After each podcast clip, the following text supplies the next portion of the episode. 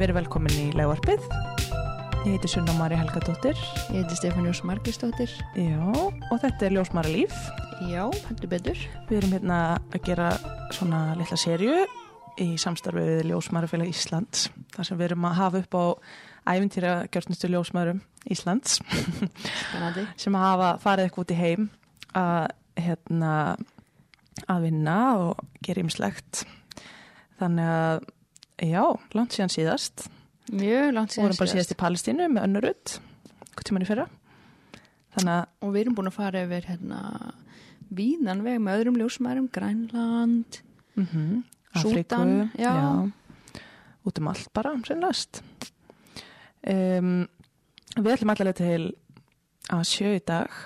Hongkong. Við hefum Mhm. ekki tekið Asju fyrir. Nei, í rauninni ekki, nei. Um, Hófi var nú búin að fara út um allt, svo sem. Við hefum eftir að, að plata hann aftur til að tala um Norður Kóru. Margi mjög spendi fyrir því. Já. En til okkur mætt hún Hulda sem var að starfa í Hongkong sem ljósmæður. Velkomin. Takk ykkur fyrir. Þú voru að koma ennþá nærhulda, ekki vera hrættu með ekki. Þetta var andadrátturum verði hérna aðalmálið. Nei, það er alltaf leið. Hvað er, hvað er fullt nafnið að þér aftur? Hulda Þóri Garðarsdóttir. Ok. Um, þú, þú varst að hérna, stóðst í ströngu í nótt í stormunum. Já, það var, það var bara áhugi. Þegar gluggarnir eru allar áttir og veðri snýst. Þetta er svona myndi svolítið á, á hérna, hverjulbylina sem að koma í Hongkong. Ó, vá. Þannig að það var sem sagt, vorum að klára rauða viðvörun hérna í, í Reykjavík í nótt. Þannig að það er misjátt hvað fólk hefur áhuga á að gera í stormunum. Já, það er ekki oft sem er svona spennandi vindur. Nei, En nákvæmlega. maður er búin að binda allt niður og veit að það er ekki að fara fjúka. Já, Ekki eins og Húsavík. E, veit ekki alveg hvernig er það. Núna er held í vindurinn að ganga við þar. mm, ok. Mm. En allt með kjörum kjörum hér. Sýnist mér í Reykjavík Já, eftir hátæðið. Já, kannski aðeins meir gert öðru svo heldur en það er alveg mjög gott þegar að það er búið að vara svona við og það er engin á ferli. Þá hefur maður Já. götturna fyrir sjálfa sig. Það er rétt. ólíkt kannski því sem upplýður í Hongkong gerir áfyrir. Að mörgu leiti reyndar hérna, Hongkong svolítið ólík borg, um, ólík því sem að fólk heldur. Að, að það er já, það er mjög þjætt bílt. Það er búið hérna, rúmlega 7 miljónir á svæði sem er svona, ég myndi segja sambarilegt við höfuborgarsvæði. Reykjavík. Já. Að- Já, kannski segja Mósulsbær og, og, og hérna, hvað sörtir, Hafnafjörð. Það er svakalegt. já, þannig að það er alltaf byggt upp í loft, Já. en það er samt hérna, mjög mikið grænt svæði og það eru sko vernduð svæðin að þýrlitinu til að það má ekki byggja á mjög stórum hluta. Alltaf helmingi alls lands er þannig að það á ekki að byggja þar. Þannig að það er náttúrulega, það sem er byggt, það er allt upp í loft. En það er þannig að þegar koma svona vond veður eða þegar að það er hérna eh, frí eins og núna er búið að vera kýmverska nýjárið Mm að það er svo skrítið að allt sem er alveg þett pakkað af fólki, alla jafna þá bara hverfur það og það verður allt í einu bara ekki sál og ferð þannig að borgin, það er svona það lýsir svolítið borginni vel það eru svo margar andstæðu, það er tómt og það er alveg fullt það er gamalt, það er nýtt það er, þú veist, það er svo opus, eða, ef við höldum áfram að spjalla það mun að koma fram en það er svo margt sem er þannig í þessari borg Vá, en áhugavert. Er ekki ár sem þess að gangi garð? Jú. Já. Mér finnst það alltaf spennandi. Það er mjög flott ár, það er hljóma vel. En við ætlum hlökkum til að heyra eh, meira um Hongkong eins og eftir. En við fáum kannski aðeins að byrja að heyra svona frá einhvern veginn grunnunuðinum. Hvað, hvað var til þess að þú letist út í hjúgrunn og, og ljósmaðfrið? E, já, um, ég var, uh, ég ólst upp á Kópskeri Vá. og Hvað búin að margir þar? Talandi um sjö rúmar miljónir. þegar ég var alveg upp þá vorum við alltaf að reyna að ná í 200 því að þá myndi, eða sko í mínu litla barshjarta þá, þá myndi posturinn verða borin út í hvert hús, það fannst mér rosalega romantist eins og í sögum. Að þetta er kannski bara ein hæð í einhverju skíaklúri eða eitthvað í Já, já, já, eitthvað svo leis. Þannig að það var alltaf um það. Ég held að sé kannski nált í núna 150-200 mann sem búið þarna, eitthvað svo leis. okay. Um, og já þar fór ég bara í minn skóla, minn grunnskóla og, og hérna og mentaskóla hérna fyrir sunnan og, og það var svona bara tilvilin sem að leti minn í hjúgrun Mm. og, og þaðan fljótlega bara svona beintist hugurinn að ljósmáðafræði. Ég var nú rétt búin að eignast tvö börn á, á tveimur árum þegar að hún Ólufásta var fluttin orðið til Húsavíkur og ég var að vinna þar og, og hún er eiginlega bara svona hvað hefur að segja, ég ætla nú ekki að segja hún hafi gappað mig í ljósmæranómið en hún, hún kvatti mig mjög. Og ég bara lit slagstanda, tók annað barni með mér og eitt varð eftir eins og rúmlega hjá pappa sinum á Húsavík. Hvaða árið þetta?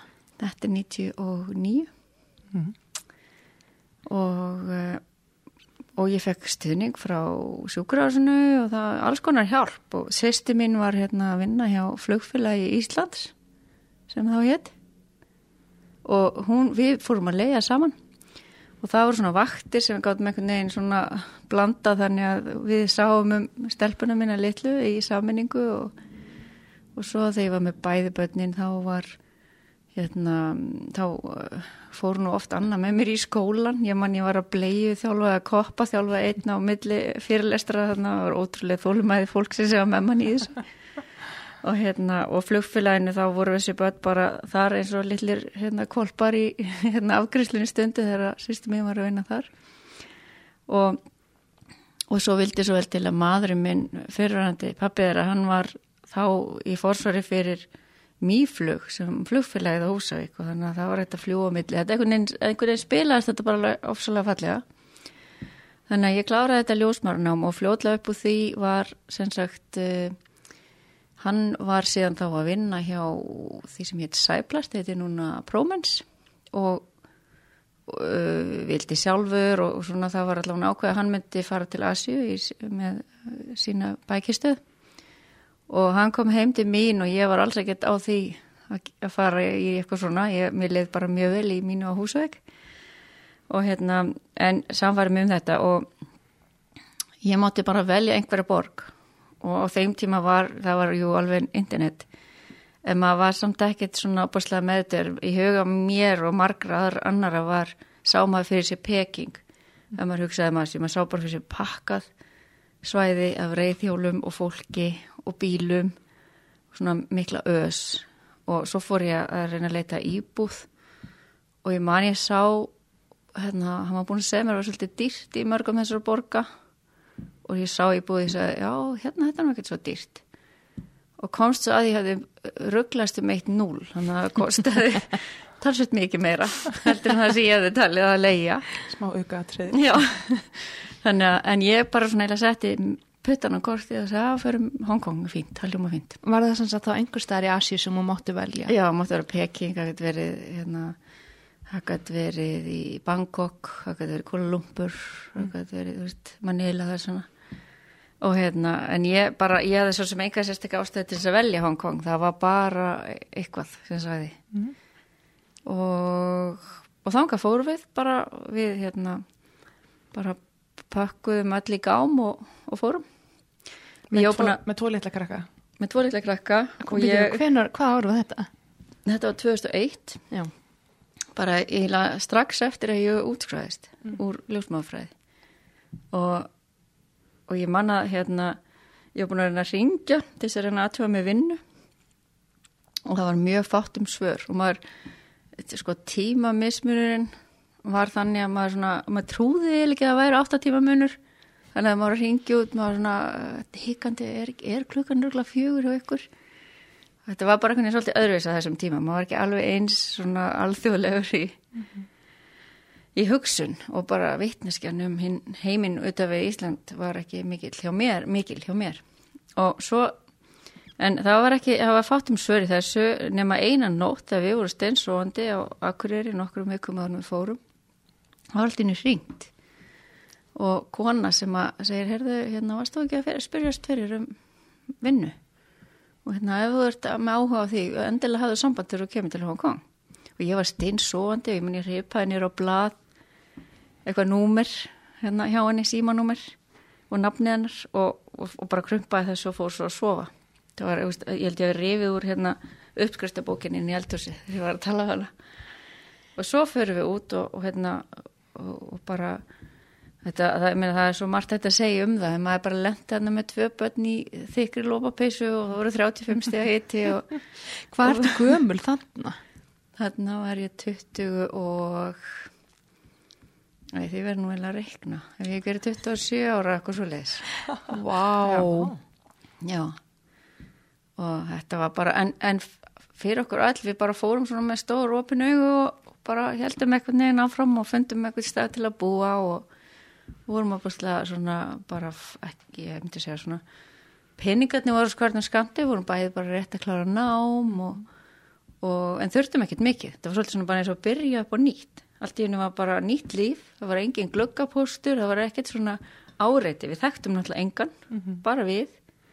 Og hann var að vinna heima og, og hérna í rauninni sko það sem var skamta frá fyrirtækinu til þess að reka skrifstofuna hans það var svona ekkert enga stóra uppæðir þannig að við komumst fljótaði að skrifstofun þurfti að vera heima. Og hann var að selja plastkör svona undir fisk. Og það var ekki hægt að leia neina hérna, geimslu fyrir þetta. Þannig að stundum var plastkar eða tvö inn í íbúðun okkar. Og íbúðunar í Hongkong eru svona kannski 50-60 fermetrar í mestaflegi fyrir fjölskyldur. Þannig að einu sem var borstofuborða okkar sæplastkar.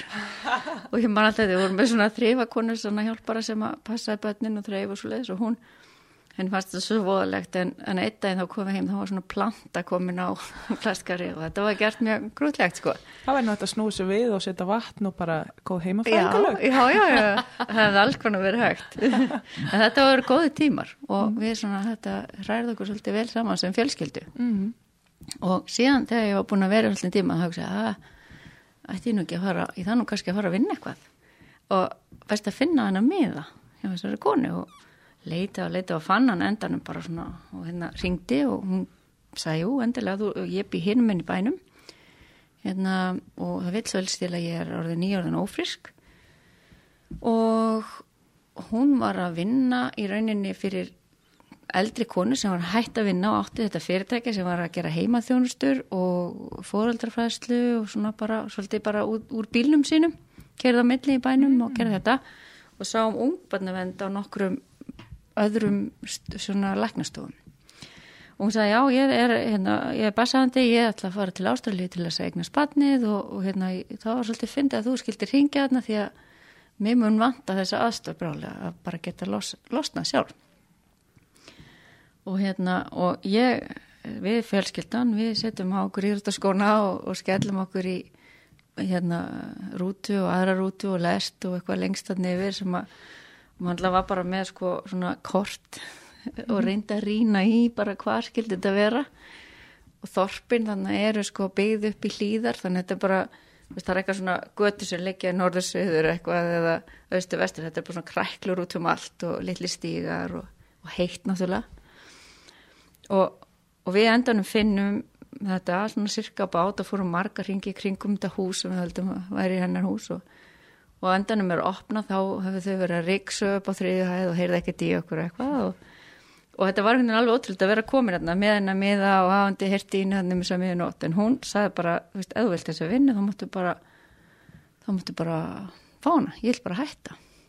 Og svo sem hafði átt þetta fyrirtæki, hún var hérna e, flutt til Kýpur. Var þar að fara hana gömur ljósmáður sem átti sex börn og leitt hérna Típist. Já, áttið með þrefum mönnum, þeir hefðu allir dáið, ungir, allir fyrir 25 ára aldur. Og hún átti öll þessu bönn heima og þrjúaðum átti hún aðlegin, hún var alls konar sögur kringum hana. Wow. og hérna, en hún var sérst farin til kýpur og eftirlaun og var að reka svona, hérna, svona astna, svona, svona hvað heitir það, svona sanctuary sem að, hérna, þegar astnar eru orðnir gamlir og engin vill lengur eiga það. Hjúkonar heimli fyrir. Já, og hérna, en, en hún, hún sem sagt lifði af tekjanum af þessu litla fyrirtæki, fekk alltaf ákveðnu upp að mánu, Mm. eitthvað svona um 100.000 krónur kannski eitthvað leis og það var bara alltaf sendt til hennar. Fyrir asnafyrirtæki eða... Nei, bara fyrir fyrirtæki þetta ljósmar fyrirtæki, Já. já, hún átti það ennþá og þessi ko- kona sem var að byrja mig að vera að vinna, hún ætlaði bara að hérna, lefa mér að taka þetta yfir.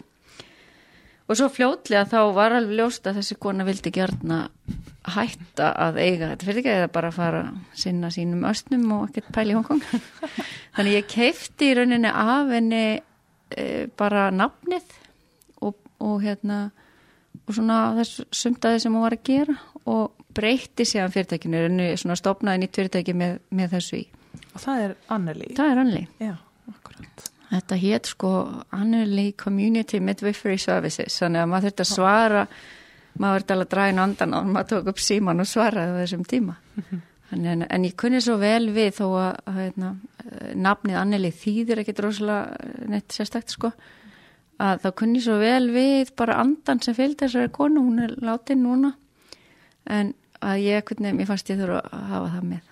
Góð fótspóru fyrir þetta í þarna? Já, já, já, mjög og, og hérna fyrst þegar ég byrjaði að koma til fólks bankaði og, og fólk átti ég að vilja vona henni að þá var oft sem fólk tók svona skref aftur baka og segi uh, hvað er alveg ljósmaðurinn og því ég var svo ung mm. hún var svona gömul með svona langt grátt hár og, og var mjög kraftaleg og sögumir kallarnir sögðu mig sko hún átti að til bara að bara ráðskast með mig, bara færa mig úr stað og segja mér, já, gerðu nú svona verði ekki svona mikil heigull já, dættu hérna til og konaðin er lasin og, og, og hérna hún var mjög svona, hún var alveg svona stereotypan af þessu sem maður sér í mörgum myndum mm -hmm. en Hvað hún var líka hún? góð hún var bresk Já. frá hérna vatna hér Breitlandi og bara og, og, af fátak fólki og, og hérna alveg ótrúlega merkileg sagan hennar en við þurfum leiklega að passa okkur að fara ekki þar út í hún sem ég geti haldið endalast áfram. já, já, já. Þannig að- Þannig að, en þurftu þið eitthvað fjölskyttan að flytja þá yfir í þennan enda Hong Kong eða Nei, nei, nei, nei, ég fekk, mér voru bara aðfendir liklar af litlum gulum bíl, það möstu 1, 2, 1 og ég átti bara að læra að keira núna og hinum einn á göttunni, náttúrulega, með það við Ísland. Mm.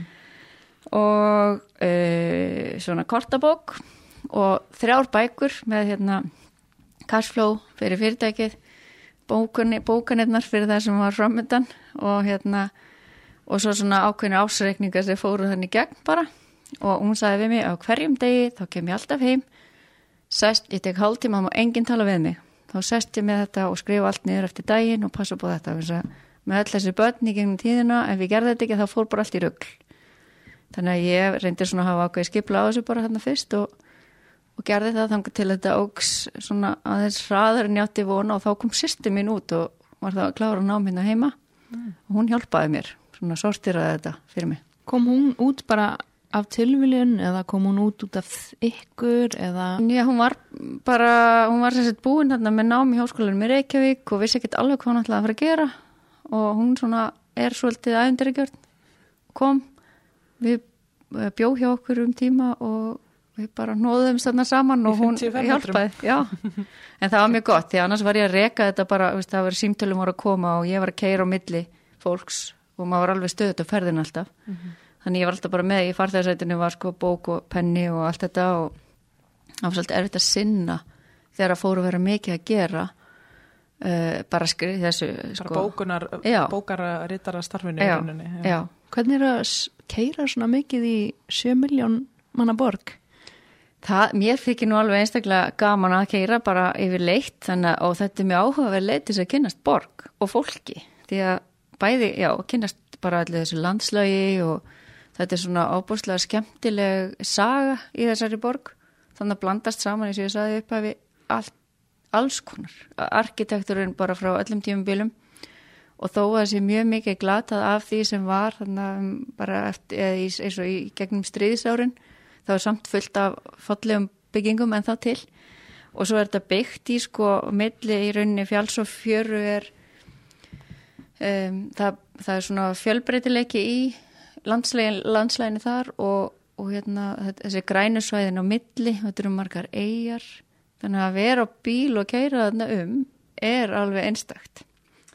Og síðan er það líka því að það sem að ég var að gera var uh, og hefa á allan tíman var sambland af í rauninni, svo, þetta var svo mörg þjóðurni sem að sóttu í þessa þjónustu að maður var að sko að kynnast já bara á sama deginum kannski 5-6 mismunandi leiðum til að nálgast söm hlutina og maður gæti ekkert bara rauðst fram með hérna, já svona er þetta sem að maður gerir brjóstakjöf eða þetta, maður gæti ekkert en þeirra eins og þá, þannig var ég náttúrulega bara nýkomin úr námi og sumt sem ég var að gera hefði ég ekki hugmyndu hvernig ég átti að gera fyrsta leið þegar maður einhvern veginn svona fór með íslenska viðhorfið að, að bara gera það samt og, og svona samblanda hóvarð og viðkenna það að maður vissi það ekki og svona áræðni í að samt krafsa sig fram úr því. Þannig að það hvorki kemur illa út eða, eða bara að maður verið að gefast upp því sem að lág fyrir. Og e, og síðan líka bara að þurfa stundum að hérna átt að sjá því það sem að hjælta væri á einhvern ákveðin hátt. Bara sem sagt já hvað var að segja bara að það er svo margt bara eins og tengist söfni til dæmis. Fólk spurði maður út í söfnin hjá barninu. Og þá komst maður stundum að því að, að fólk var bara með hlutin allt öðruvísi. Það voru mjög margir með svona barnapýr sem sá á barninu nóttinni mm. Brjóstekjum og þannig að það kannski ekki ætlast til þess að allir gæfi brjóst bara hvað sem var. Já, mitt að þeir fannst ekki þeir fannst alls ekki fyrir frámanana fólk og alls ekki eins og margar asísku þjóðinu þeir finnst reynilega uh, fannst þá allavega mjög svona ógeðfælt og bara mistu matalistana að það var verið að gefa brjósti til dæmis þar sem aðri voru borða. Og mann finnst þetta fárlegt að segja þetta upp á þetta er náttúrulega maður átt að segja á því en þannig er þetta og það þýðir ekki beint að fara með svona offorsi gegn svona, maður þarf alltaf að nálgast þetta á annan hátt. Eins mikið og þetta svona reyti mann til reyða. Já, já, já. já. En þá gengur ekki að ætla sér að breyta þessu á Nei. einum degi eða eitthvað þannig. Nei, og þú getur ekki, eins og ég var stundum, þá var maður kannski beðin um að koma í, hérna, í svona, ég, ég vildi verða svona 5-6 heimaðunustur sem ég fór í. Og stundum var það þannig að, að ég vissi ekkert alveg aðstæðunar, hvernig það gengi. Og svo kem ég inn í hús til konar og held ég sé að fara að hjálpa henni með badnið og brjóstakjöf. Það var kannski bara svona ringur inn í stofu og þar sitja allir öldungar fjölskyldunar, konan og maðurinn og hérna badnið ekstra lengst fjari og þá er sagt, þau segja, þú ert, við erum búin að ráða þig henni í klukkutíma viltu fara yfir hérna þessi tíu atriði varðandi þetta og, og svo kannski sagði ég eitthvað sem ég viss að fjall ekki góðan í arveg hjá sérstaklega eldri kynnslóðinni Og þá eitthvað í sambandi við barnið? Eða? Já, barnið, eða hvernig þetta hugsa um, þú veist, það var alltaf mismunandi leir, hvernig þetta þvó og, hérna, hyrða barnið, þú veist, það var mikið með um, þvó, þrýfa tunguna, uh, ákveði varðandi, sko, hérna, þvó undir fórhúðinni að strákum, uh, alls konar svona hlutir sem að bara, veist, kannski skipta einhver rosalega máli sumt af því, en þegar maður svona þuldi upp þessa rullu, nei, það þarf ekki að vera að fara að tróða bómull þarna inn eða gera svona hins inn að þá, þá um leið þá bara sloknar á hlustuninni og maður sér bara ok, núna ertu ekki lengur velkominn að tala hérna við þurfum að fá okkur annan inn mm. þannig að maður fljótt lærir ekki að segja ósatt eða, eða segja bara sem fólk vil heyra en þú þarfst að fara á okkur leið þú þarfst að segja á hérna, þess að það eru margar leiðir til þess að huga hvernig það er að drífa ungböld en eina af þeim er svona en svo hefur reyndar í mörgum samfélagum þá er þetta gert svona og maður þarf svona að gera þennan að eldra fólki leifum hann að halda áfram að hugsa um þessa fjölskyldu. Að þú svona sínir fram á að þú þekkir það sem að þau þekkja og eru vön og berir alveg við einhver fyrir því Já. þá þú sért kannski lúmsta ráðleik eitthvað annað. Já, og komast aðeins lengra stundum, það er, sagt, er svona tímabil svona, sem að kalla confinement period sem er sko fjórar til sex vikur eftir að barni fæðist þá má mamman ekki fara út úr húsi. Er þetta bara eitthvað sem er í Hong Kong eða? Nei, þetta er í, þetta er í mörgum Asíu þjóðum og mörgum um allan heimi er einhvers konar útferðsla af þessu uh, í, í sumum löndum, ekkert bara Asíu. En eins og til dæmis í, í Kína aðala og þá er þetta þannig að, að uh, þetta er svolítið svona ef maður þýðir þetta beint að þá verður tala um sko vindin eða hérna að uh, á meðgöngu og eftir fæðingu að þá er þessi líka með konunar hann er opinn fyrir alls konar kvillum mm.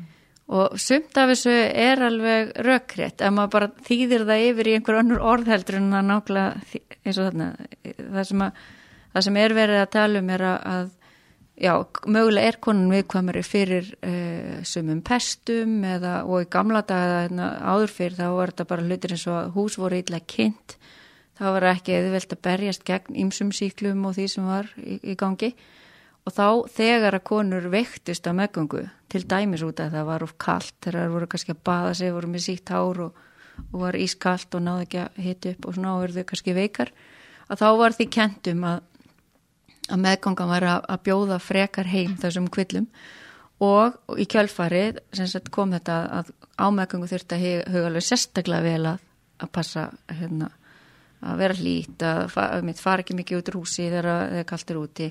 Borða ekki ákveði mat og sumt af því þegar við lesum þannig listahaug sem er nei þetta nú, það er nú alltaf lægi að borða mango eða hvaða málið skipti með þetta. En þá er þessi skipt niður í sko heitan mat og kaldan mat og hvað tilst vera gott og þetta fannst mér allt voðalega erfitt ég sagði þetta er nú, þetta er nú alveg meira rugglið en á þessu tíumbili þá þurfa þessar konur sem eru svona kannski í þessum fjölskyldum sem að fylgja þessari hefð þar sem að eldra fólki ræðu meira að þá þurfa þeir að, að hæða sér svona og þá gæt maður ekki ruðist inn bara með ráleggingar og móti þessu Var þetta á meðgöngu fyrir ekki? Bæði meðgöngu en aðlega eftir okay. fæðinguna mm -hmm.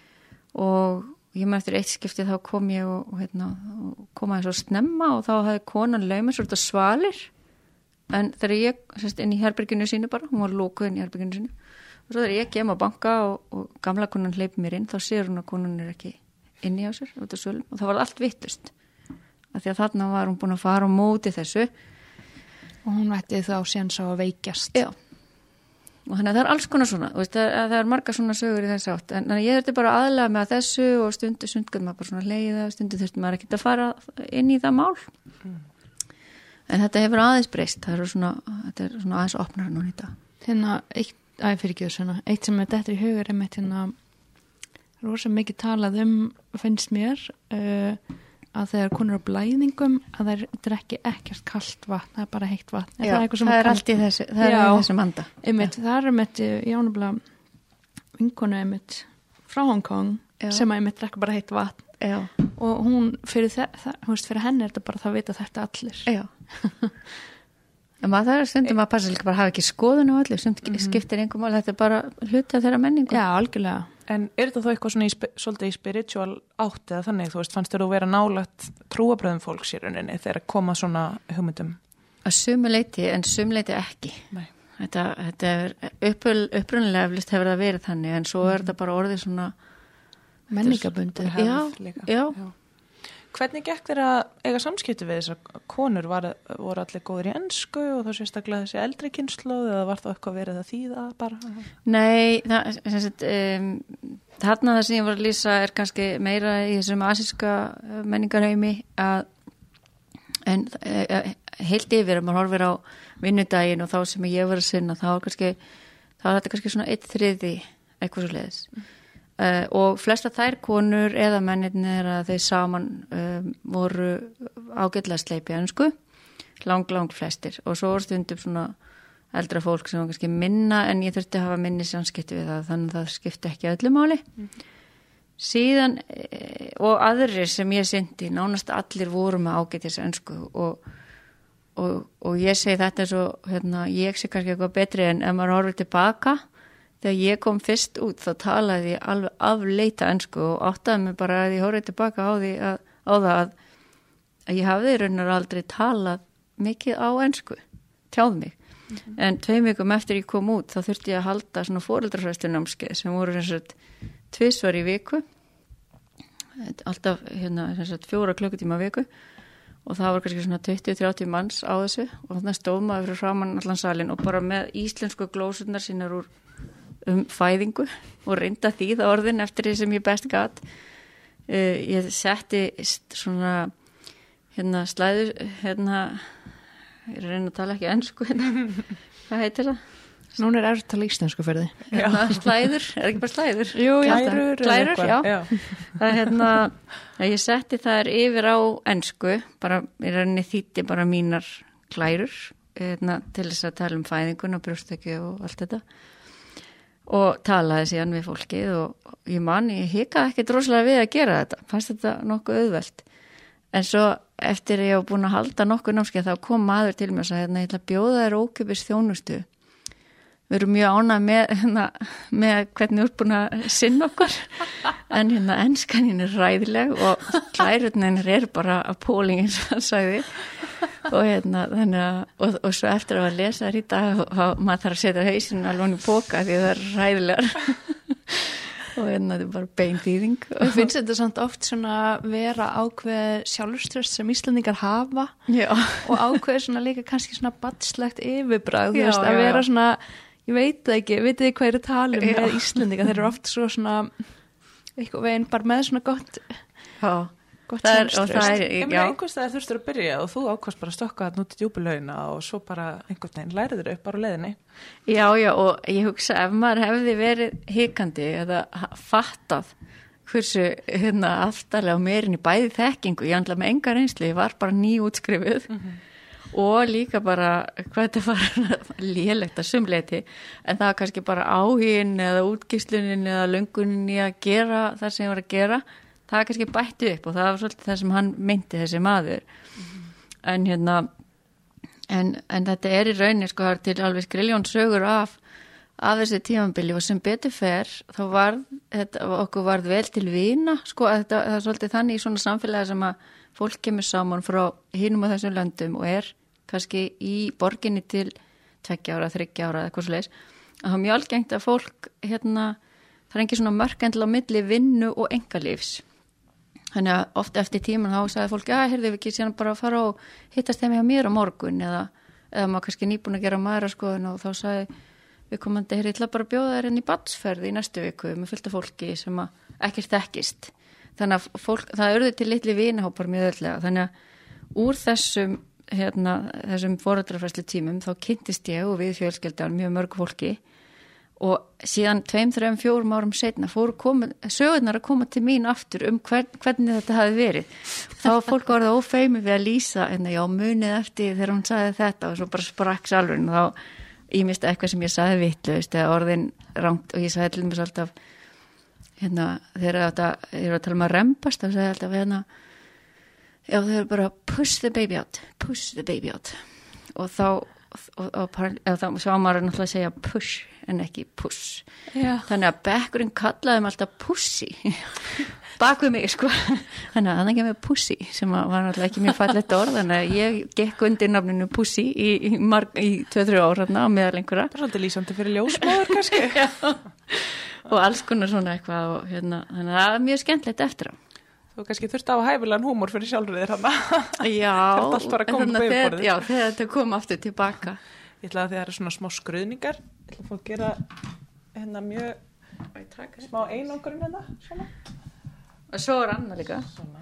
Já. hérna, þá var hérna og það sem er, þetta er þessi vatni hérna, þá var sko, ég var spurðaði mjög snemma í ferlirum heyrðu við, ætlum að fara hérna, gera, blanda þurrmjölk hérna, hvernig gerum við það og, og maður var ekkert svo opaslega vel inn í því Nei, maður fær hérna. kennslu í því Nei. Nei. það var bara, þú veist, eh, mér minnir meiri segja hvort það var hérna í Íslandi að þegar ég byrjaði að vinna úti að þá var bannað að tala um þörmjölk. Þess að þú máttir alls ekki mæla með ef fólk spurði hérna ég með þessa þörmjölk og þessa þörmjölk, hvort er betra eða, eða hvað er, maður átti bara að segja ég bara má ekki tala um þörmjölk, það er bara ekki, það er bara inkorrekt í þessu sett. Já.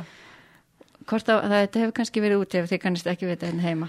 Ég, samt, ég gæti alveg tróði á einhverju tímabili hafa þetta verið svolítið stránt orðandi að það er ekki núna, alls ekki en Nei, mann samt að við vorum eitthvað að falast fyrir sín ámunu að hérna, fá einhverja kennslu um hvernig maður ætti að blanda það og þá, það um var það, sko. eitthvað bara svona, nei Já, þetta, þetta var svolítið svona bara, ok, hérna, og margt gott Breast við is það. best. Já, já, þannig ég vissi ekkert, en ég vissi þó að þurfa svum börn og það eru fyrirbærar og alls konar sem að, þar, maður þarf stundum að geta gefið þurrmjálk. Þannig að ég svaraði þessu eftir bestu getu og, og spurningin var hvaða, að, hvaða vatn á að nota. Og ég sagði náttúrulega bara vatn, bara vatn. Og já, hvernig vatn? Er það á kranunum eða er það svona afjónvatn eða er það svona á tiltak og alls konar eða er það með minerals eða. og ég man ég horfði bara frá mér fólki og hugsaði, er ekki bara vatn, vatn? Og þá er ég bara búin að vera hann í tvær vikur og áttaði mig ekkert á því að allar þessar flöskur í búðunum voru mismunandi tegundur af vatni. Og hérna í Íslandi drukkuðu náttúrulega bara vatni okkar á kránunum og pældum ekkert í þessu. Og þetta var svolítið lýsandi fyrir margt að maður hafði bara aldrei átt að sjá því. Að það voru alls konar hlutir sem að bæði er hægt að gera á mismunandi hátt og svo líka að fólk pælir svo mikið í þessu það vildi fá bara nákvæmlega ok, og á degi eitt þá ger ég þetta svona eða ekki, og degi tvö svona. Meðan ég var svona meira bara já, ég veist, barnið fæðist og þetta er bara á bröstið og svo bara finn ég aðeins út úr því hvað var að halda lengi á því, já, ég veit ekki bara stundum setjum maður niður og stundum heldur maður á því og, en þau vildi þetta ekki svona. Það var kannski stundum eins og eitthvað svona ofhugsun eða eitthvað í, í gangi. Já. Fa fannst þér það þá vera eitthvað svona fannst þér þú finna einmitt eitthvað svona mun varandi bara kultúrun í kringum þetta allt saman, þú veist, eða meða við svo íslenskar, íslenskar konur og, og svona, þú veist þar sem þetta stundum svona bara þetta reddast og kannski aðeins afslappaðra eða eitthvað svolítið Já, já, það er alls ekki reddast og- menning, alls ekki, já. Fæðingarólofið þarna á þessum tíma var sex vikur og, og það eru núna átta vikur, nei, núna er þarna tíu vikur í Hongkong mm.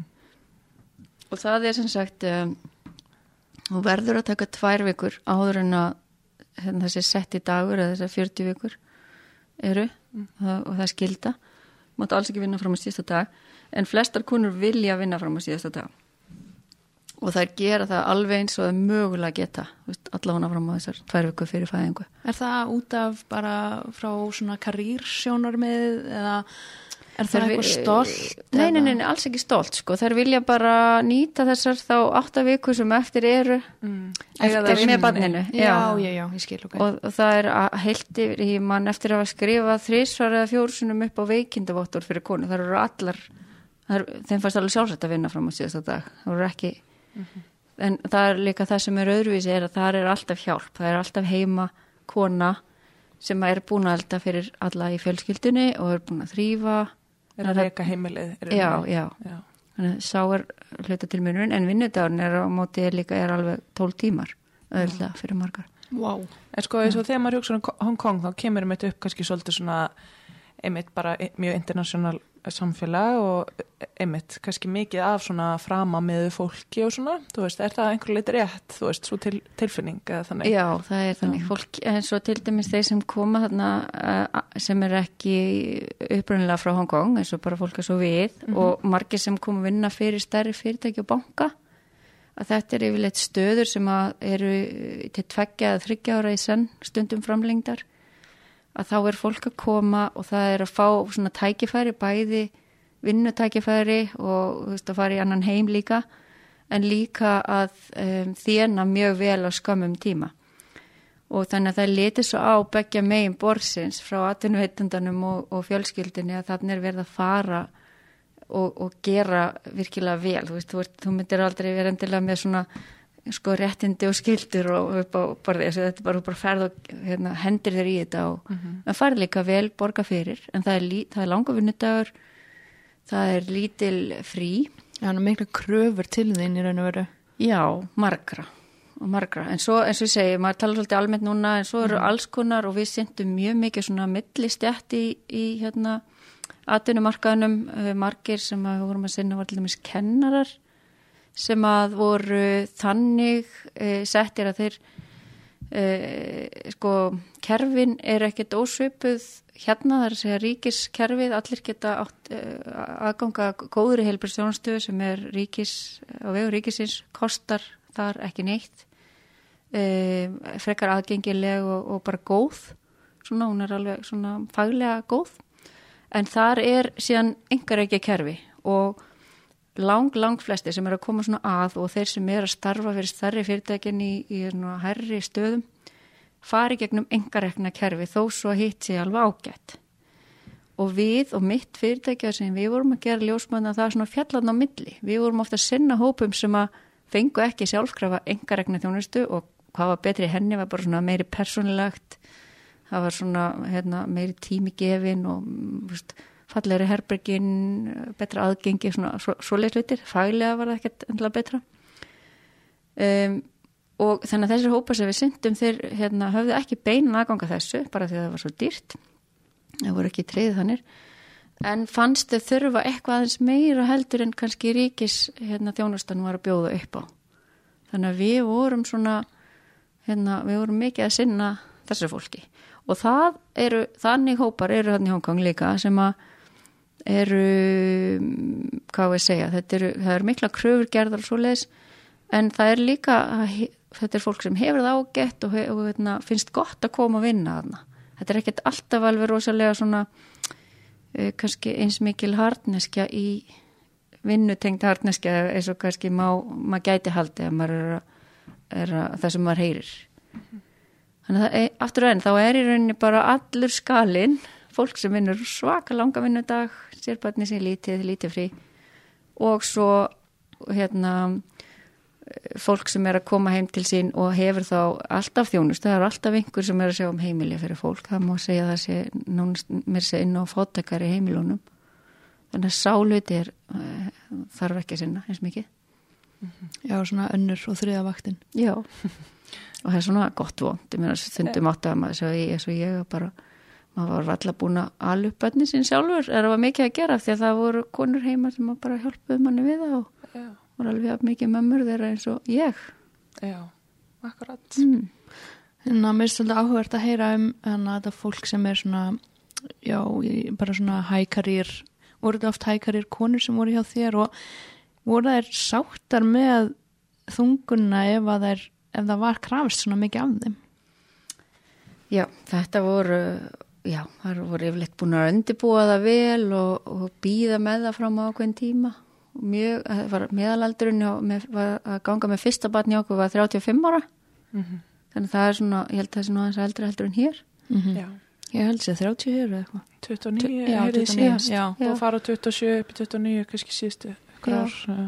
Þetta var all, alltaf mjög vel skipulegt og nánast allir voru giftir og búnir svona að koma sér á ákveðin stað og á sama tíma koma þá oft líka dálítið mikla kröfur frá þessum sömu pörum um að hérna hvernig hlutin er að vera. Það er búið, þú veist, það er búið að undirbúa allt óbúslega vel heima er svona, það er svona ákveðin undirliggjandi, maður bara finnur það hlutin er eiga að ganga vel. Og þannig að oft var mitt hlutverk og okkar ljósmaruna var bara hreinlega að hjálpa fólki við svona aðlugun Mm og mikil svona sálfræði sem að tengdist því bara að lesa í aðstæður og, og sérlega sem voru hjónabönd fólk sem var kannski ekki af sama þjóðverðni við tala ekki um mismunandi menningu.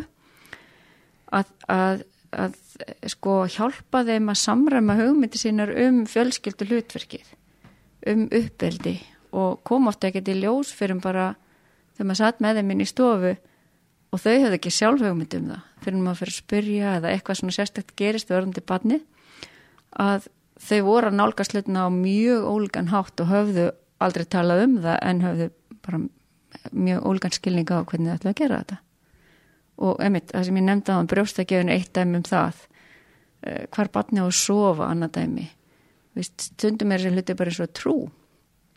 Á barni að hvaða trú á barni að taka.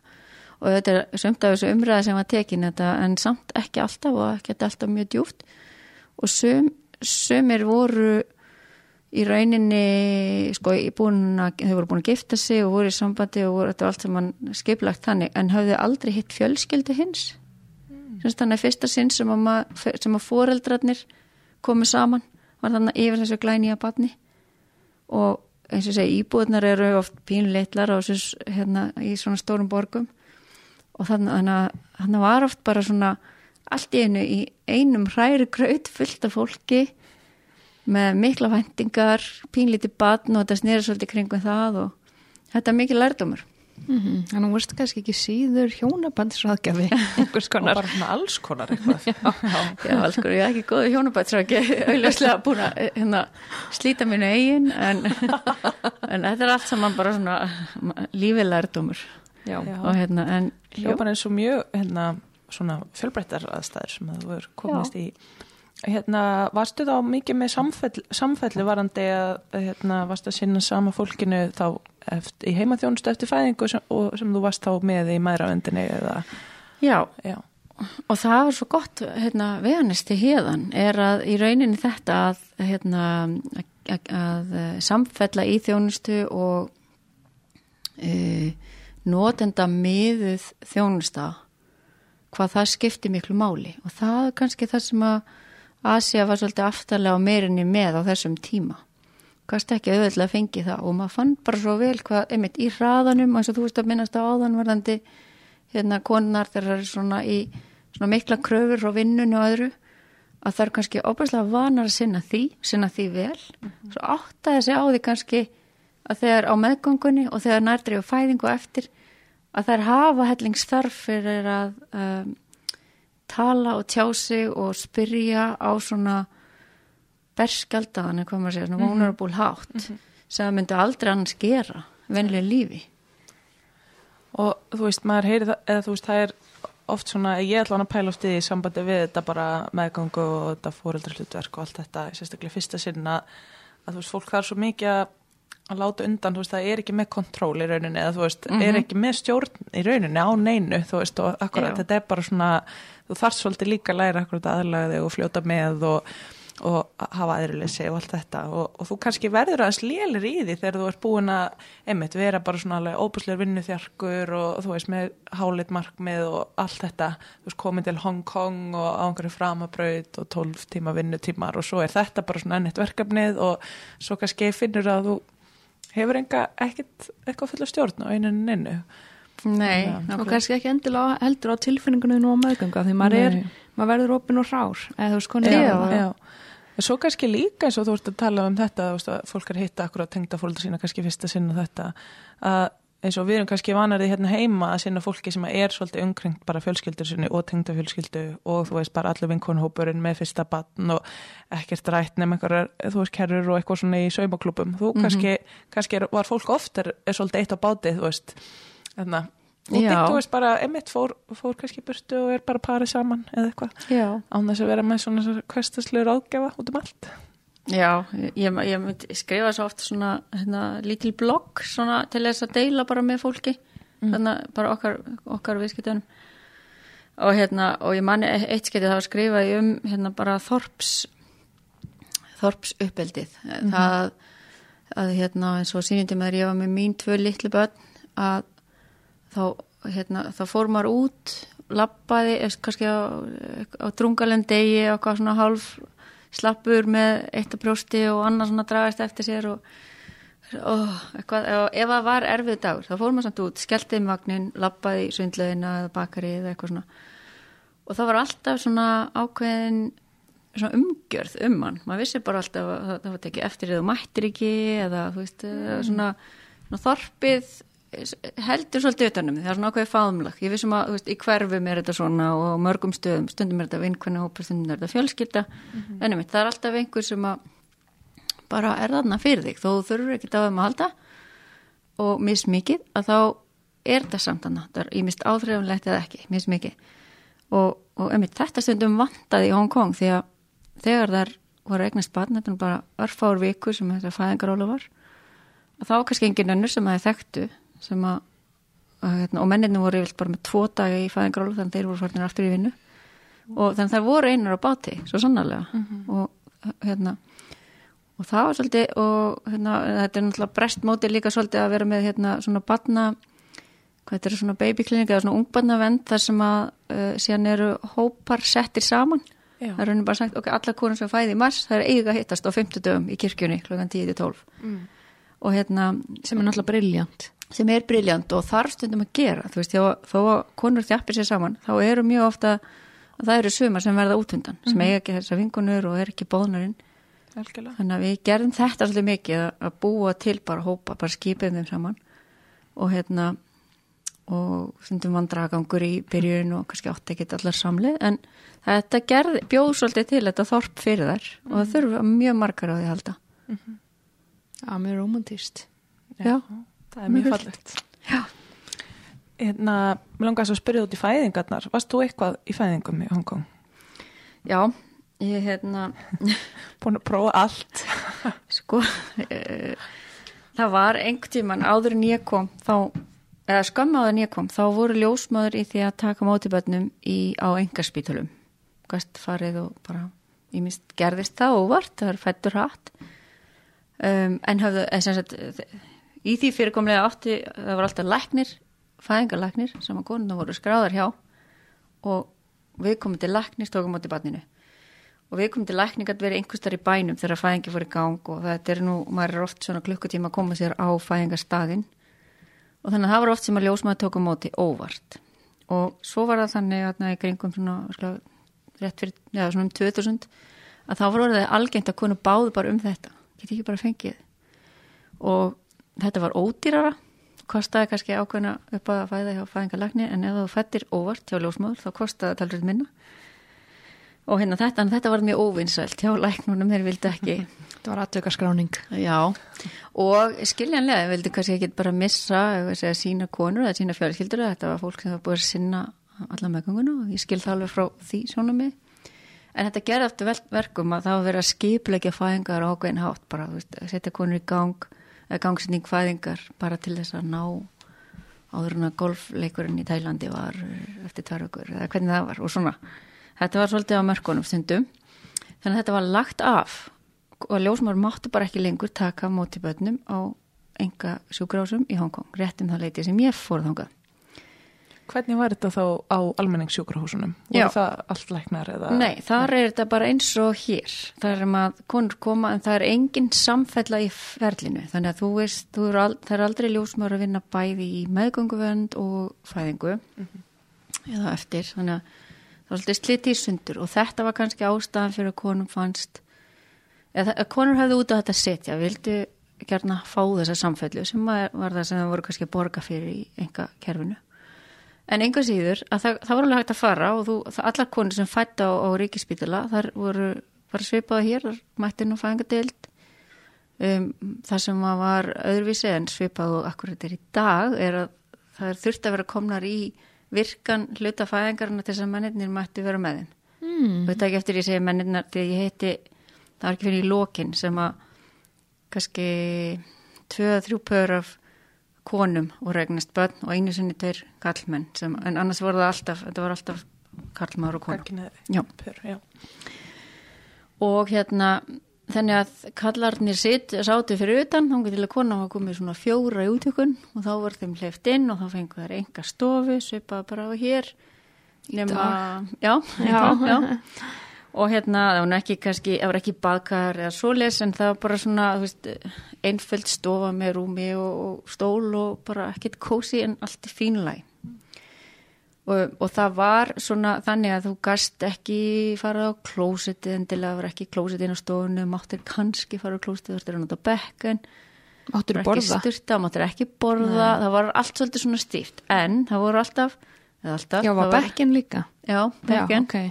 Það var nú búið að leggja hérna, stólpípun og, og hérna, raksturinn. Þannig að alltaf spurtu um það. En, hérna, en það var svolítið svona gamaldags. En, og, og ljósmaðurnar, þú sást alveg á hvaða stíi í hérna, svona rang þær voru með. Eftir hvernig kjólarnir og litinu, hvað margar rendur og aukstónum og sliðis. Mjög svona formlegar. Og, en þær voru að gera góða hluti. Það var, það, það var konurnar fætti yfirleitt eðlilega. Það var hérna mjög bara góð svona útkom úr fæðingum svona heilt yfir. Uh, Er þetta aðalega Hongkong eða þetta líka mjög international? Allt, bara já, allt. Alþjóðlegt, já. já. Og hérna og það var sko til dæmis mænurútadeyfing var í bóði en hún var alls ekki mikið nótu, kannski svona 20% hvenna, eitthvað svo les, voru nota hanna Bara ekki menning fyrir því bara spítalarnir voru bara þannig við gerum ekki meirum við þurfum það var svona Já. svolítið mottoið og það var, það var svona svolítið töffaralega tekið á konunum eða það voru ekki konum með þrjáð útökun þá voru það bara, en var það ekki synd mikið það bara, þú býður hérna ánga til uh -huh. en þú mátt samt ekki fara heim það var svona sumt í þessu sem maður æ þið getum alveg lirka pínu þannig fyrir mm. en á sama tíma var þetta á þeim tíma sem að SARS kom sem var nú svona undanfarið þess sem nú er við eiga við sem að hétt Hafl hérna heima sem var svona eina af þessum flensum Já. 2003 og þá lókuðist allir spítalar sem höfðu áður verið bara opnir þá lókuðist þeir fyrir allir heimsóknum og þessu frálsleihitum sem höfðu verið út af þessari síkingarhættu og þá þessi stífleiki festið sér svolítið í sessi mm. og hérna en út frá þessu öllu að geta ekki verið á reyfingu að geta ekki farið í bak, geta ekki verið með makan með sér get ekki borðað og allt þetta og þurfa stundum að lókast langa tímin á spítala. Þá var ég mjög oft beðin um að taka heimafæðingar. Og helst hefði ég vilja fara bara með konunum í inn á spítala, annarkort enga eða ríkispítala, maður gæti ekki fara á ríkispítala því maður var ekki ráðinn þar. Og enga spítalinn var nýbúin eins og ég segja afleggja þetta. Ljósmaður mátti ekki taka móti. Þannig að ég svona mm, ekki endilega eigin ósk af því ég var bara ekki þannig tengd og tilbúin eiginlega. En ég fór samt, ég endaði á að taka móti nokkrum bönnum heima. Var alltaf verið að byggja mig og veist, hver sagar einstök og mjög sérstakar aðstæðar stundum. En mér var gert það ljóst í samfélaginu í rauninni í Hongkong að, að sem sagt bara lækna samfélaginu og, og í rauninni ljósmæra skólinn og, og þjálfun og allt það var þó þau var að reyna að hvetja til ellarfæðinga og samfell í ferlinu og allt það, setna mér að þá vildu ekki stiða þetta og það talaði opbúslega mikið á móti þessu og það var erfitt að fá tryggingar og Bara á móti heimafæðingu almennt. já, þá, já. þannig að það sem ég gerði var að ég fór að gera allt nema fæðingun að ég fór sérst að sinna konum heima eins lengi eins og mögulegt var og fara svo með þær á spítalan bara þegar þær voru komnar eins nálætti að fæða eins og annarkort mér þátti vera örugt eða það er á skuð eftir. Einhver sem fætti í bílnum Þetta er svo ekki mínum bíl, það var einn ein sem að fætti í sínum bíl og ég hef verið heim, ég hef ekkert alltaf að sinna en ég bjóð á bát og var bara eitthvað uh, hérna út á, út í hérna, Auðvitað bjóst á jörðinni að- bát. að að, hérna róa í land þegar að ringdi mér maður. og hérna mjög þess eftir mér þetta er bara sem að venjulega allir eru bara í vinnunni en ég var akkur teima þarna. Og það segi ég er að horfa hérna út á flóan ég bý hérna í húsunum fyrir ofan. Þú kannski mannst eftir okkur frá því fyrir sjórum og varst með okkur í fæðingu. En konum mín er sérst óleitt núna aftur með þriða barn og, og hérna ég er með henni og ég, hún er, vill ekki fara á spítalan og ég sé þú ert hana og getur þú komið bara eins og sé hana þú veist, mér finnst bara þægilegt að um til sjá hana og ég vissi ekkert um þau þannig sko þarna en ég sé bara já ekkert mál og greip töskuna minn úr bílnum, hún var alltaf í bílnum sem var í landi og fer hana til þeirra og kiki og, og hérna. Og hún er ekkert komin með hennum akkurat 2-3 útvikun en það var alveg hálftími á spítalan þannig að ég svona var aðeins með þeim ég sagði já mér veist kannski það ætti nú fara að huga því að samt að fara að mjög ekkur þangað en allt bara í fínu lagi. Svo er ég lappi bíln og horfa á þau að lappi sinn bíl og þá sé ég bara að þetta ætlar að fara að gerast trætt og sagði við eitthvað og ekki bara að koma með eitthvað og hún var alveg gallur nei, nei, nei, nei, bara alls ekki. Og hún var svona svolítið stór og mikill og hann var pín lítill og hérna svona svona, hérna, svona örgrannur alveg.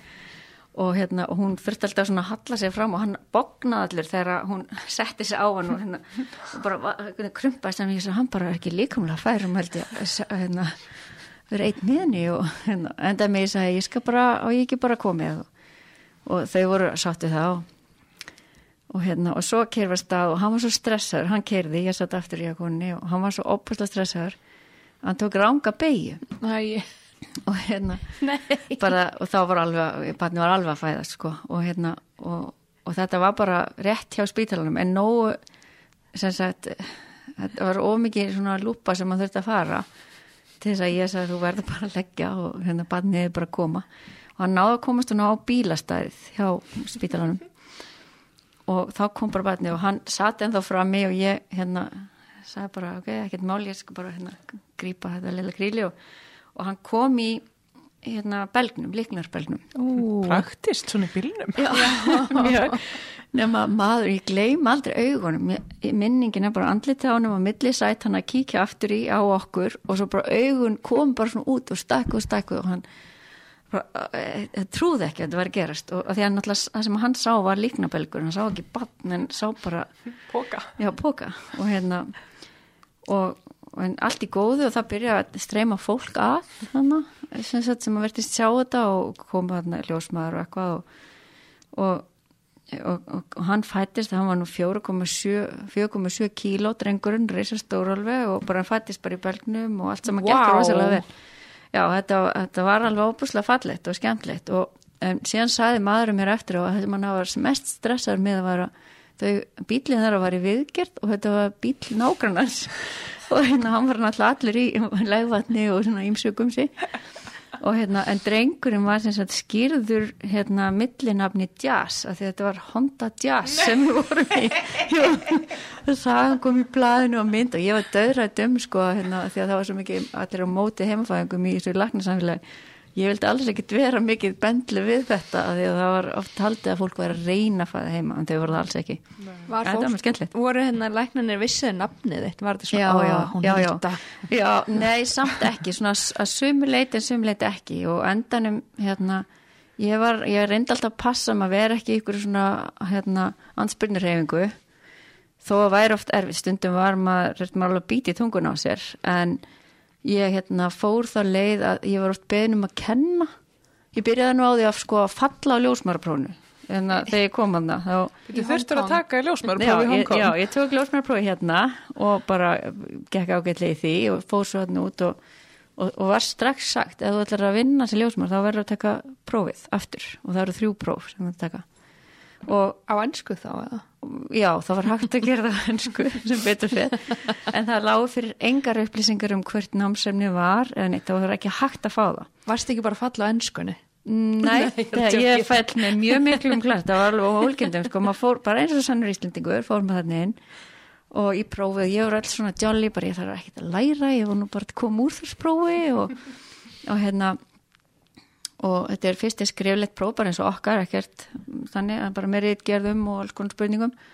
Og svo verklegt próf og svo var svona halvverklegt próf sem er reyninni svona stöðvar sem maður mörgt að skrifa og gera eitthvað. Og hérna þetta var eh, skriflega prófið ekkert mál. Svo fór ég í verklega prófið og þar fegstu við svona mynd mynd af einhverju og hafið þér held í þrjár mínúti til þess að svara þrem spurningum um myndina. Og og það var sérst hvað er tæki á myndinni?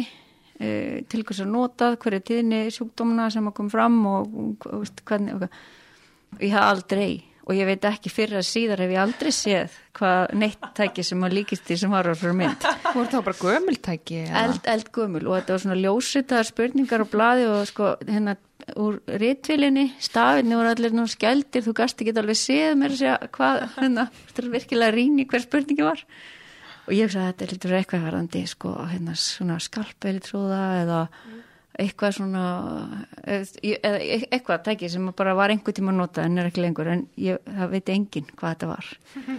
Þannig að en ég hugsaði með mér, ég svaraði nú bara allir hinnu og mér fannst ég ganga ágætlega. Og svo kom svarið í postinum og sýsti mín opnaði brefi og svo held að þú varst að fá bref hérna frá ljósmæðarskólum já og, og svo kom bara svona, held að þú fjálst á ljósmárfrónu þannig að ég var alveg ógeðslega mókuð ég hugsaði bara ég fyrir ekkert og þetta var daginn eftir eða eitthvað ég fallið á bílprónu líka ég, því að maður þetta ekki að það og eins og sannir íslendinga fóru við maður minni það og bara fjallum sko eftir þrjársekundur voru við búin að ég hugsaði hvað er þetta heila og hérna og ég segi ég ætla ekki bara ekki að taka þetta ljósmárfró ég er bara að vinna við eitthvað annað en svo ringdi alltaf í mér skólum og segði, heyrðu, hérna, kontinu, þetta var bara þessi eina spurning og, og taktu næsta próf og, og hérna og eftir að ég var búin að ná þá hérna sögða við mig, við viljum endla fólk að svo þig og hérna viltu koma að kenna, þannig ég enda á að vera að kenna sko í skólanum og vera alltaf á ráðstefnunum með þeim og, og þannig ég er svona miksaði mig svolítið inn í þetta samfélag þó ég væri oft með bóðskap sem var þeim ekkert endilega til geðs en það var mjög mikið vatn til sjávar í þessu velli núna og, og rauninni ljósmæra skólinn og þetta samfélag er búið að aðlæðast svona, svona nútíma kenningum og nútíma leiðum var orðandi konur í fæðingu miklu meira. Þakk sér þér. Nei, ekki nefnilega, ekki þakk sér mér því að þetta var svona eitt ég var með eitt kornarna sem var á staðnum en þær voru aðbyrja þessum tíma að líka kalla inn ljósmæðar híðan á margar frá hérna, Nicky Líp kom oft og og, hérna, og margar frá Breitlandi, Ástralju, mikið sem komu og voru með fyrirlæstra og það er í rauninni í gangi, það er bara eh, kerfi, í rauninni spítalarnir sjálfur, þeir eru ennþá svolítið svona risaðalur, en e, teórian og það sem er að kenna og, og það sem er að koma hérna inn er alveg á parfið það sem við þekkjum hérna heima. Mm. En það var, það var gaman að vera svolítið hluta þessu Þú kannski verið smá svona rockarljósmóður hérna, sem að hafðir eitthvað nýtt fram að færa nefnendur. Já, já, ég held það. Ég held að það oft finnst þetta að fyndi. Mér finnst það ógislega skemmtilegt að heyra því maður mann eftir að hafa nýjútskriða við sunna útskrifnist bara 2020 já. og þá var maður bara, shit, hvað er ég að fara út í þú veist, vera undir nýju útskrifar og taka þessa ábyrg svo þú bara En hérna það er samt bara eitthvað á landspítalanum, ekki hérna, ég parkeraði bátnum mínum og keiriði þarna að, á, í vinstri umferð og eitthvað, du, du, du, satt með hóp af kynviskum öldungum, kennaði maður þrýfa bát. Nei, en það sko mér og ég veit ekki tala hvaða tíma við höfum lengur en að, sko, ég las það nýða sem þið sendu á mig áður Já. bara hvort það væri eitthvað svona skemmtilega sögur og það er náttúrulega miljón, miklu skemmtilega sögur þessi, heldur en það sem við erum búin að vera að tala um núna. Kondu með en það eru sko tvær sem eru mjög góða sem ég get stittnir í mjög stutta útgáfu og ég man ekki hver, ég held ég ekki verið að segja nýri mjög svona viðtali frá þessu áður en það var sem sagt e, þegar ég var nýbúin að fæða mína næst síðustu held ég stelpu, Vitið, þú átt fjöguböld? Já. Fættust, Eins og alla ljósmaður. fættust börnin hérna setni tvö út í, út í Hong Kong. Já, eða? já, og ég gerði þetta svolítið sem svona hérna, verkefni að pröfa kerfið þannig að ég tók sko aðra fæðinguna á engaspitalara og fór gegnum það allt saman kerfi og pröfaði að fara á mismunandi staði og svona. Og varstu gangsett bara út af einhverjum golfleik eða? Nei, ég var sko, hún var hérna, ég var komið 40 vikum með hana held ég 15. september og gerði það fyrir að fæðan um það leiti en hún fættist 15. oktober af því að ég nitti í læknir sem ég var með til þess að býða með mér, það bara þetta býðum, býðum, býðum, við getum ekki hérna, ég er búin að fæða tvö börn og bæði með gangsýningu og bæði komuð tveim vikum frá mér og þau litur bara ekkert út fyrir að vera of seint og hérna getur ekki bara beðið, náttúrulega hlýtur að vera með okkur hérna og svo beðum við og beðum og svo er komið fjórar vikur frá mér Vá, varstu Og enn ekki gang. 44 vikur? Wow. og máli var að fyrst í meðgöngunni til þess að þetta myndi ekki gerast þá fór ég til hennar og sagði pínliti ósatt ég sagði já ég er bara komin hérna mun hérna hérna stittra heldur en að hérna, þetta allt sýnir. Og, og ég man hún mældi og mældi og bara nei, þú ert, það er ekki sen þú sért að fara að fæða þetta bara setna heldur en hérna í september allavega. En þannig að þetta, þetta fór þannig. En ég var gangsett með hann á enga spítala en það var bara því að það var langt lið. Og Sorry, hvernig, var, hvernig varstu gangsett? Það er nú ekki ósöpa hérna, það var hérna, það var nota svona, það heit Propes, ég veit ekki alveg hvort það hefur pröfað hér, það er svona eins og stíl sem er settur upp í legungin og Já, var þannig eins og held ég. já, og þetta var alltaf, og svo bara tekið út leið og komið hríðir, þá var bara kift út. Já. Og hérna, þetta er ekki stíl, eða þetta er stíl með svona, hérna, spotta, Já. ok, þannig. Og hérna, þannig að það bara frásæðast eitthvað til að komið nóg mikið og, og hérna, hormónum og svo sett bara sprengt, sprengtu belgur og og sett í æð bara held ég eins og hér. Ekkert ósupa sko. Nei. og hérna, og svo fætti ég síðustu á og hérna ríkjaspítala, hana ætlaði ég að fæða heima. Og Sigfríð Ringa, ljósmóður mín sem hann sýnt mér í gegnum allar þessar meðgöngur, hún kom út og ætlaði að taka mótinni Vá. og ég er alltaf fætt svo snemma, nei svo seint að ég sagði, það var að koma páskar og ég sagði, ei, hérna, þú, ég vil gett vera að spilla páskunum þínu með fólkinu þínu, komdu bara, þú veist, annan í páskum eða eitthvað og, hérna, og hún, að ekki að koma fyrir og hún var að skrifa okkur dóttársverkefni sitt og reynir alveg gert það. Og ég sagði, hei, neini, komdu bara. Og svo náttúrulega fer ég í gang, bara þegar hún er í þann mynd að leggja stað. Og hérna, það var að gera mér í vinnunni og ég var rétt búin að missa starfsmann og og ég var öll svona einhvern veginn að kvóli og mátti enga meginn vera að því að fæða barnið. Þegar ég, þegar ég fór í gangi fæðingunni þá var ég að fara hérna, ég var að fara í á móturhólinn í vinnuna og var að reyna að klæða mig í leður svona stígvill sem að maður sett á sig. Og ég gat aldrei, alltaf þegar ég beigði mig niður þá veist, fann ég bara, ó nei, nei hvað er þetta, ég kennst ekki stígvilli og hérna, og endaði mig, ég hugsaði, nei, allir þetta sé svona sem maður fer í gang sjálfur, af því ég hafði aldrei fer í gang sjálf og ég trúði ekki, ég lág lengin rúmi bara, nei, þetta lítur okkur annað og segfyriringar ekki komin og hvað er ég að gera? En það endaði þannig að ég ringdi allar ljósmaður sem ég þekkti. Þar voru allar úr bænum það voru páskar, það voru engin heima og það var engin að gera heimafæðingar. Og hérna, og endaði með ein þeirra sem vann einhverstaður einhverjum flótamönnum og var lengst í burtu. Hún sagði, ég skal koma hér í búna sinna þeim, skal ég koma til þín og vera aðeins með þér. Og, og ég og börnin mín blesum upp sundlaug þarna inn í Tókuðu ekki karið? bílnum, nein í bátnum. Já, þá, þá erum við konum sko, þá byggum við í bátnum og það var langur tími í liðin og vorum með svona uppblásna laug sem tók allt, alla stofinu inn í bátnum. Og hérna, og þá fór vatnið að bilaði vasslögrin bátnum og fór ramagnið, þannig að pappi var að Fór vatnið á bátnum, ekki þér? Ekki mitt lega, bara vatn Ef mitt hefði farið, það verið fínt. Þá hefði þetta gengið hrætt og vel en þetta gekk mjög rólega, það var fjórða bad og þetta var mjög komist því að það voru sko maður minn var að reyna að laga vasslögnina og pappi og tengdapappi var að að laga ramagnið þannig að það stóð úr loftinu, stóðu svona vírar allstar, ég þar fyrir neðan með lögina pappi sem átti að vera vinnunni en hún varst alltaf svo spennandi, hann neita að fara vinnuna. Þannig að hann var hlaupandi um að sjóða vatn, hugsa ykkur sko. Þetta er hérna 2011, það var enn verið að sjóða vatn í fæðingunum.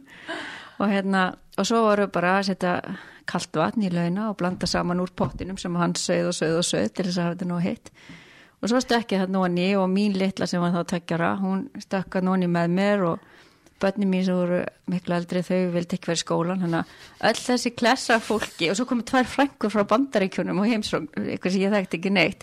Ó. frængur mannsins mís og þannig voru við og lengi, lengi, lengi og, og hérna og endanum kom ljósmaðurinn ég sagði að þetta gekk hægt rólega og sagði að nú verður það, ég verða að fara að spýta leikir, ég get verið að fæða batni hérna um borði batni með enga sem að veist, er undirbúin og Sigfrið Inga var líklega þá komin upp í flugvel hún var ekki svona komin. Og hérna, þannig að við fórum og ég var í sundfutum og svona löng bryggja sem báturinn við kerðum að og tengdi pappi hann er svona virðulega maður sko og hann lappaði með mér og hvert sem ég kríð þá þurfti ég að sko skella minni á fjóru fætur halla mig fram með rassinum við loft og, og, svona, og hljóðaði eins og eitthvað veikt dýr. Og á brygginni sátt allir aftan á bátunum sínu með koktelina og voru að drekka hérna í kvöldinu. Og hérna og horfa á þetta og tengda vefið lappaði bara það er svona, svona ég mun alveg þarf ég að vera með þessari konu og það gengur svona þrjá ríðir eða eitthvað sleis, þannig að við komum loksins í bílinn og gáttum farið á spítalan en þetta var allt mjög gaman, en Seifröringa náði ekki að koma í fæðinguna. En af því að ég hafði svo margt annað að gera þá bara kom hún og var með mér í mánu og bara gerði allt sem þurfti. Hún var ljósmóður mín og ljósmóður fyrir konunnar sem ég átti að vera sinna og sendi börnunum og, og var indislegt. Þannig að margt skemmtlegt gerist. En ég var ekkert að fara að segja Nei, þessu. við vorum, við vorum bara spenntar að heyra fæðingarsönda þínar. Já, allavega, ég fór í fæðingu. Sérst, ég fætti eina, held ég ekki þessi fæðing, heldur þarfandan. Þá var ég með mína litlu stelpu og ætlaði að vera smá fæðingarálofi. Hún fættist í oktober og svo og ég var búin að segja, ég ætla ekki að gera fleiri heimfæðingar núna og alls ekki núna með þetta litlu bann. Veitu, var þetta næst síðasta? Já, þetta var 2008 Já. og þá hérna, og þá var lækni sem ég var að vinna með, hún sagði, þú munt alltaf enda í þessum heimafæðingunum og bara sittir alveg fótið niður og verður bara að segja nei, þú vilt það ekki gera og ég sagði, ég bara geta ekki þegar fólk býður svona, svona já, segðu bara að það kosti mikið segðu bara að kosti helmingi meira heldur nú rukkavennilega því að þá, þú, þá bara verður fólk að hætta við svo er ég, hérna það er jól, bara það er held ég 22. des og ég skrapnir vinnu og förstið þarf að vera að fara að loka og þegar ég er að fara út þá hérna lappar inn bara svona stróla fólki og fremstur maður með svona langt hár sem hann hérna á skekkinni hinga eldgamall og svo óleitt kona og maðurinn hennar tvö börn og einn eða tveiri viðbútt og bara kom bara eða svona króið mig af þar sem ég satt henni vinnu og, reytar mér fram með hún bara nei, nei, með ekki fara inn og og þau voru svona ábúrslega kurtis og fallega svona ára yfir þeim bara já þakka fyrir mig og aðeins, aðeins fara. Og bara tvö af þeim töluð ennsku og hérna og svo segði hérna við viljum fá heimafæðingu, ég er að fara að fæða bráðum. Ég, ég hérna, áætlega tími bara morgun og ég, ég sagði nei, nei, nei, ég ger það ekki. Ég, sorry, ég bara upptekið nöðru og hérna er litlu barni mitt og já, takk. En vildi samt gera þetta fyrir okkur. Ég bara tók ekki nei. Nei, bara og mjög svona blíðleg. Og ég hérna stama upp bara já, hérna já, það, fyrir utan það, ég geta bara alls ekki að þá er það bara mjög dýrt. Og þau voru svolítið svona tötralega all í, hérna, og mér fannst næstu vond að segja þetta við þau. Og, og þá hún snýsi við á manni sinna og segir hérna, já, það er allt í leið við borgum eftir smásund og, og ég segi, já, það er mjög dýrt. Það skiptir einhver og bara vilti gera þetta? Og ég sagði, hérna, það, ég verða að segja ég get ekki gert þetta. Ég hérna, hjálpa fólki í neyð þannig að ef það væri þannig að þið bara væri í neyð þá sjálfsög myndi ég sinna ykkur en hérna, bara, ég verða að segja nei, ég ætla ekki að lofa þessu. Og hérna jólin er að koma ég er með stórt heimili og hvað og þau segja bara já hérna vilti lefa okkur að fá símaðinn og hérna við meðum þá ringið ef, ef svolítið ber undir. Og já, já, segi ég bara og hérna vilti bara svona lost núr þessu. Og svo átti ég eftir að kaupa allir jólagjöf fyrir, fjölskylduna og morgunin eftir á aðfang, eða aðfangatast morgun þá er ég í því bara kófsveit hérna batni á bakinu og, og fylgta einhverjum pókum og laupa til og maður mér var að reyna að hérna, þýða kalkunin í sæplastkari því að hann var svo stóra hann náttúrulega aldrei er að þýður heima. Þetta var alltaf eitthvað svona komið nema að þá ringi símin og maðurinn segi já hún er að fæða þú erður að koma. Við erum inn uppi einhverstar og hérna hún vill ekki fara á, spítala og þetta er alveg að gerast. Og ég heyri í henni.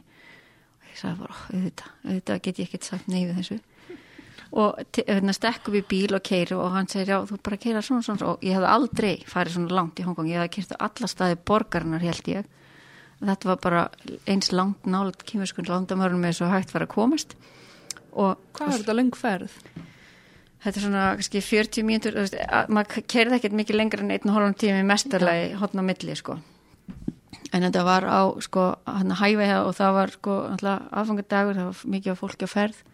Akkurat þarna og, og hérna og síðan þurftum að keira sko í gegnum svona einhverjar krúsitúlu skó það sem að ég bara segja aldrei komi og svo þegar ég kom þar að, að þá var þar skildi sem stóð hérna bara svona enter at your own risk. Þetta var svona Scottish Homes sem að hérna svona flóð, var sem ekki að flóðum búin að vera í fjallinu. Og þetta aldist ekki örugt að búa þarna. Og fólk hefði bara tekið svona, hvað þetta hústöku fólk eða ekki. Tekið húsin og, og farið að búa um sig þarna og þarna var bara lítið samfélag fólki sem bjó í húsin sem þú þurfti sko að beigja því þess að fara inn í og hérna klóset var bara svona lítið kamar með fötu og og, og hérna og þeir konan inn að þá var sérst baðkar á gólfinu og svo búið, búið til svona reyður hálgert og konan láð þar eða satt og það voru krakkar að lita svona lítið borð þau voru bara að lita og læra og kipti sér ekkert uppið þessi hljóðu eða neitt sko. Og allt gamla fólki var þarna líka og tveir nágrannar. Og hérna ég bara eitthvað neins tveir nágrannar. Og, og ég fer bara nýður á nén og þú veist, fer náttúrulega bara sinna henni og, og pæla ekki droslega mikið í þessu og fljótlega fæðist stúlkan.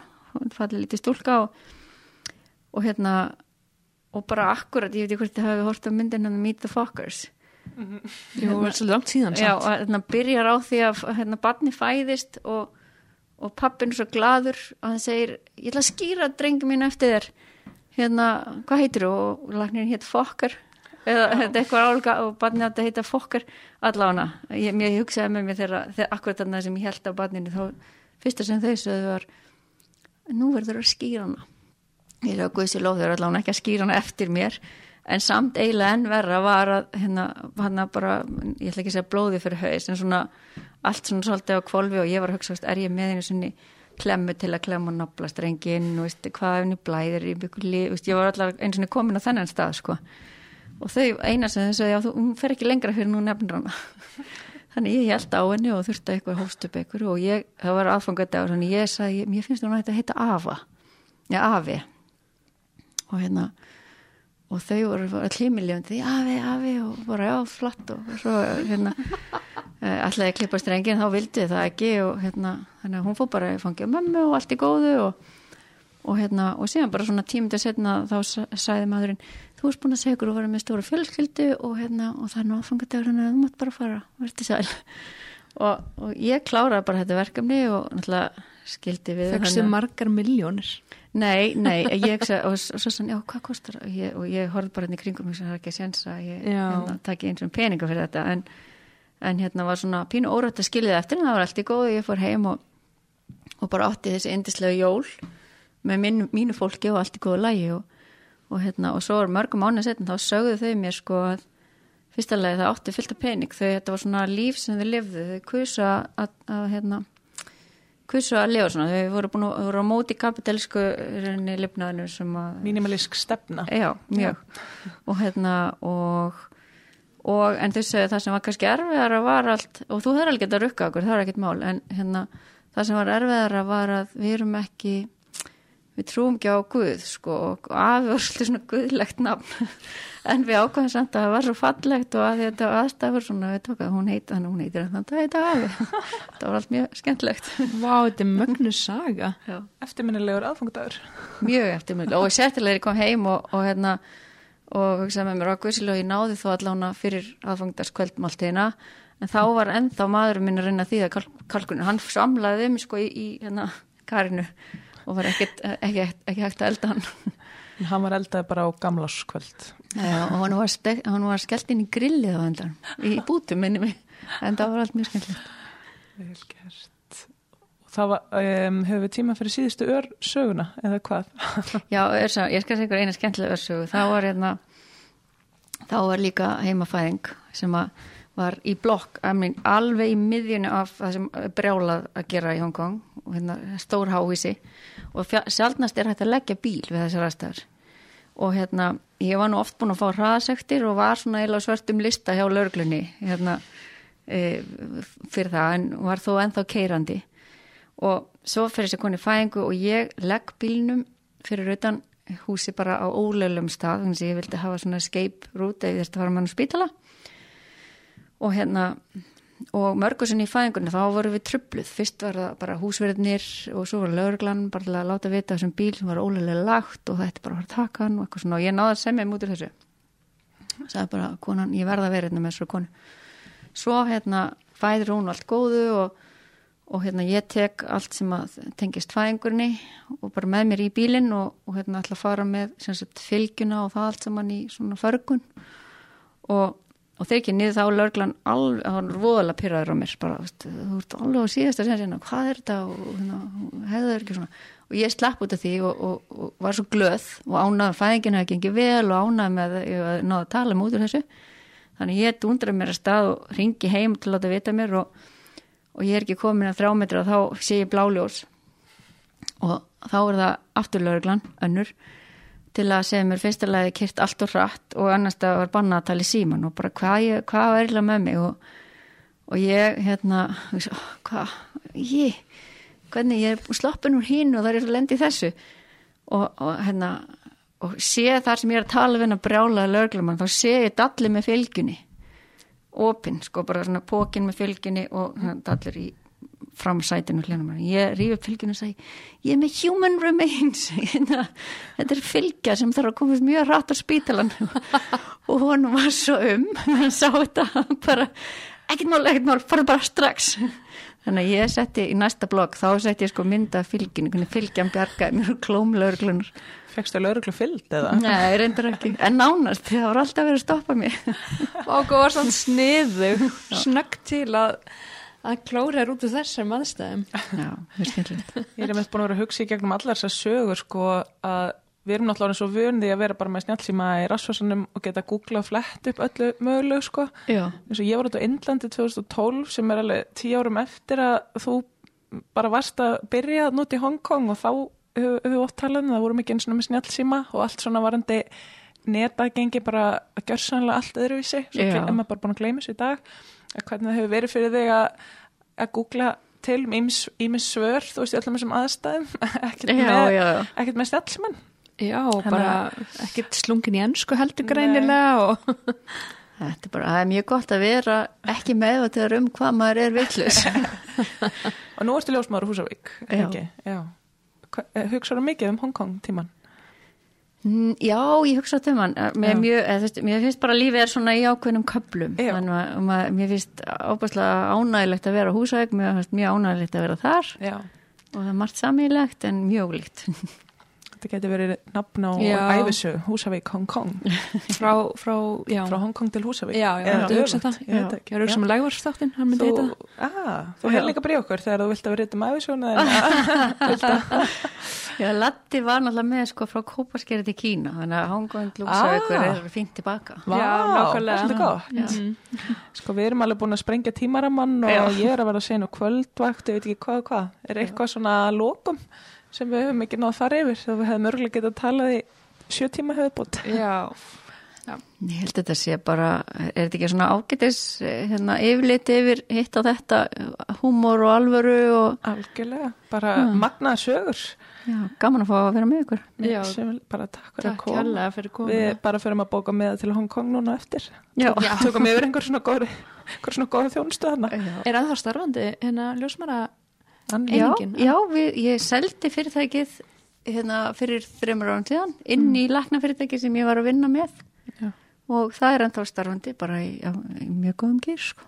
við sendum tölupúst Já, svo býðum við bara spenntar eftir því þegar þú ferð að taka einhverja asna í svona hérna, já. hjúkurnar heimilis þjónustu komum með nóg af mæðra vend og ljósmarastörfum takk kærlega fyrir að koma og deila góðum sögum. Takk fyrir komið leiðis.